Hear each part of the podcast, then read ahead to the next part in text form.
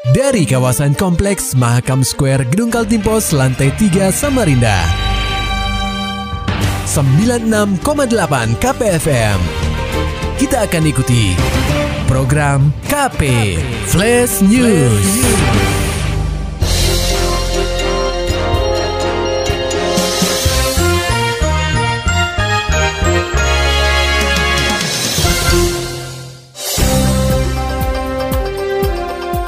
Anda sedang menyimak program KP Flash News bersama saya Agung Pratama.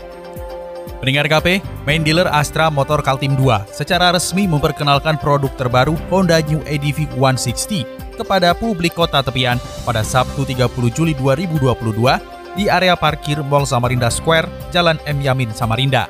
Masih mengusung konsep adventure, sekilas tidak banyak perubahan yang terjadi pada sepeda motor yang masuk dalam segmen big scooter ini. Namun jika ditelaah lebih jauh, banyak sekali perbedaan mencolok pada produk sebelumnya yang secara resmi dikenalkan ke publik Indonesia medio 2019 silam.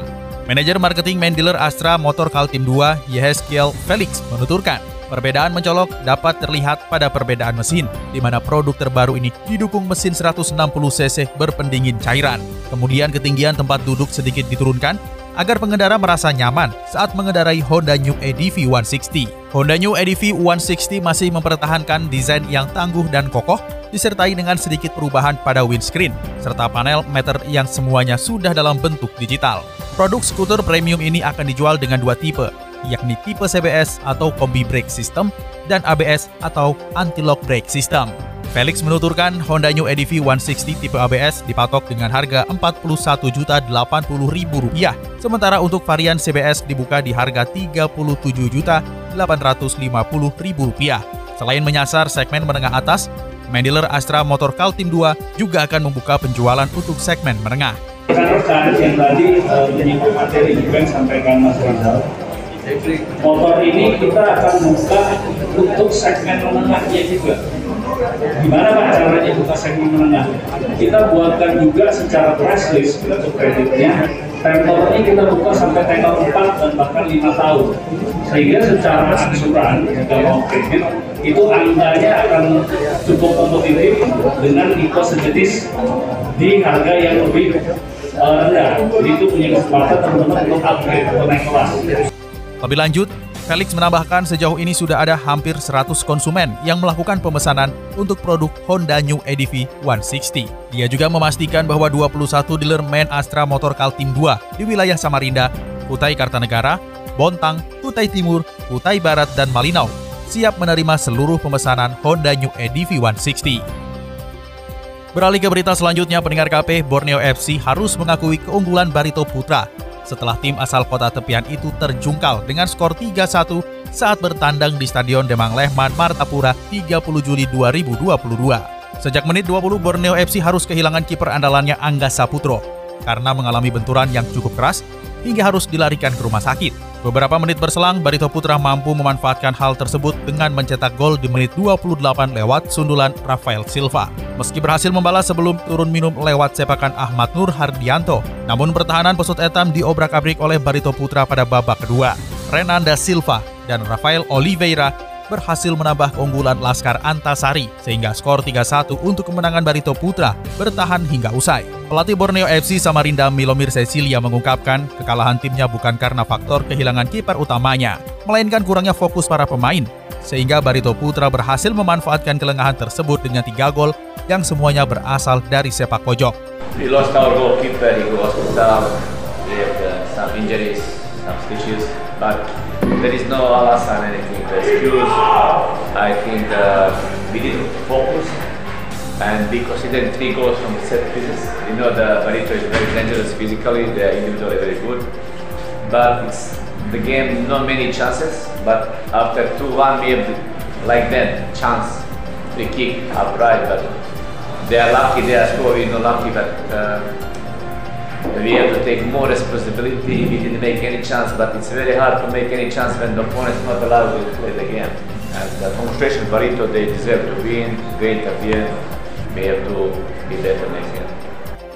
Atas hasil ini, Borneo FC Samarinda harus rela turun ke peringkat 5 klasemen Liga 1 dengan raihan 3 poin dari dua laga. Sementara Barito Putra naik ke peringkat 10 dengan raihan poin yang sama.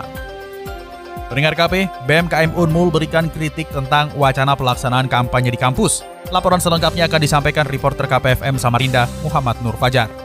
Ketua Komisi Pemilihan Umum atau KPU Republik Indonesia, Hashim Asyari, menyatakan bahwa pelaksanaan kampanye dalam pemilihan umum atau pemilu, lembaga eksekutif dan legislatif di tahun 2024 boleh melaksanakan kampanye di dalam kampus selama semua kegiatan dapat menghadirkan rektor ataupun pimpinan lembaga universitas. Padahal dalam Undang-Undang Nomor 7 Tahun 2017 tentang Pemilu, tepatnya pada pasal 280 ayat 1 poin H, menyebut bahwa pelaksana, peserta dan tim kampanye pemilu dilarang menggunakan fasilitas pemerintah, tempat ibadah, serta tempat pendidikan. Namun dalam penjelasan selanjutnya, fasilitas pemerintah tempat ibadah, dan tempat pendidikan dapat digunakan jika peserta pemilu hadir tanpa atribut kampanye atas undangan dari pihak penanggung jawab ketiga tempat tersebut. Meski dalam aturan masih dapat melakukan kampanye di tempat pendidikan, Presiden Badan Eksekutif Mahasiswa Keluarga Mahasiswa Universitas Melawarman atau BMKM Unmul, Iksan Nopardi, melayangkan kritik terhadap pernyataan dari Ketua KPU RI. Ada tiga hal yang disampaikan BMKM Unmul dalam kritiknya, Berikut merupakan kritikan Presiden BMKM Unmul, Iksan Nopardi, atas wacana pelaksanaan kampanye di dalam kampus. Nah, kami beranggapan bahwa pertama, uh, secara prinsip kampus atau universitas itu harus bersih dari kepentingan politik praktis. Kedua, kita melihat kampus ini kan sebagai ruang intelektual, ruang akademis yang tidak boleh ada campur tangan politik uh, secara praktis maupun juga uh, kepentingan kekuasaan. Sehingga yang ketiga, uh, kami mengharapkan bukan uh, sebenarnya dalam undang-undang pemilu kan itu diperbolehkan saja untuk melakukan kampanye di dalam kampus. Ah. Tapi kami mengusulkan dan menyarankan bahwa bukan dalam bentuk kampanye, tapi melainkan melak, uh, bentuk uh, uji publik atau uji kepatutan kelayakan bahkan melakukan debat terbuka dengan mahasiswa yang tujuannya adalah mengukur ide dan gagasan calon peserta pemilu apakah layak untuk uh, maju sebagai uh, entah itu presiden, gubernur ataupun uh, wakil rakyat. Lewat kritikan itu, Iksan memberikan masukan jika kampus tetap dijadikan ajang untuk kampanye, polanya harus dirubah. Contohnya seperti ke uji publik atau uji kepatutan dan kelayakan, serta debat terbuka bersama mahasiswa. Hal itu bertujuan agar masyarakat dapat melihat ide dan gagasan serta kelayakan calon peserta pemilu. KPFM Samarinda, Muhammad Nur Fajar melaporkan. Pendengar KP, KPU Kaltim gelar sosialisasi perihal verifikasi dan klarifikasi bersama pimpinan parpol. Berita selengkapnya dibacakan reporter KPFM Samarinda, Maulani Alamin. Komisi Pemilihan Umum atau KPU Kaltim menggelar sosialisasi PKPU nomor 4 tahun 2022 perihal verifikasi dan klarifikasi. Acara berlangsung di Sekretariat KPU Kaltim, Jalan Basuki Rahmat, Samarinda. Kegiatan tersebut bagian dari tahapan pemilihan umum tahun 2024 mendatang. Ketua KPU Kaltim Rudian Syah menjelaskan, ihwal yang disosialisasikan kepada parpol mengenai pendaftaran dan verifikasi faktual pada aplikasi Sistem Informasi Partai Politik atau SIPOL.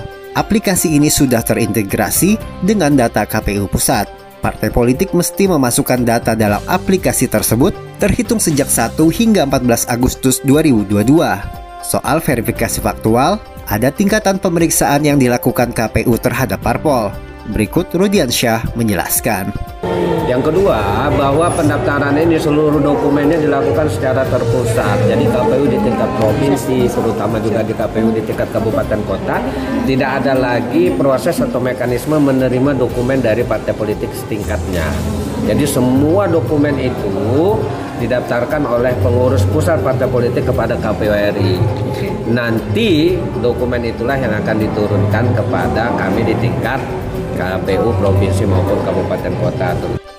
Terpisah, Ketua SC Partai Buruh Kaltim, Benny Kowel mengatakan, kegiatan tersebut sangat bermanfaat bagi seluruh parpol, terlebih partainya yang tergolong baru. Bagus karena ini adalah awal dari tahapan pemilu salah satunya pihak penyelenggara KP apa pemilu itu harus mensosialisasikan terutama peraturan-peraturan yang akan dilaksanakan yang sedang hmm. sudah berjalan seperti persiapan-persiapan mulai dari sipol dan persiapan untuk pendaftaran. Hmm. Hmm. Intinya uh, pihak penyelenggara pemilu tetap uh, berkomunikasi, berkoordinasi dengan eh, pers- apa partai calon partai-partai politik yang ada di Kalimantan Timur. Ketua Esco Partai Buruh Kaltim, Benny Kowel juga berharap pihak penyelenggara pemilu terus berkoordinasi dengan parpol yang ada di Kaltim untuk mensosialisasikan program persiapan verifikasi administrasi dan faktual. KPFM Samarinda, Maulani Al-Amin melaporkan. Maulani Alamin, Muhammad Nur Fajar, KPFM Samarinda. Serta dapatkan berita-berita selengkapnya di www.968kpfm.co.id. Demikian tadi telah kita simak rangkaian berita-berita yang terangkum dalam program KP Flash News. Persembahan dari 96,8 KPFM. Terima kasih dan sampai jumpa.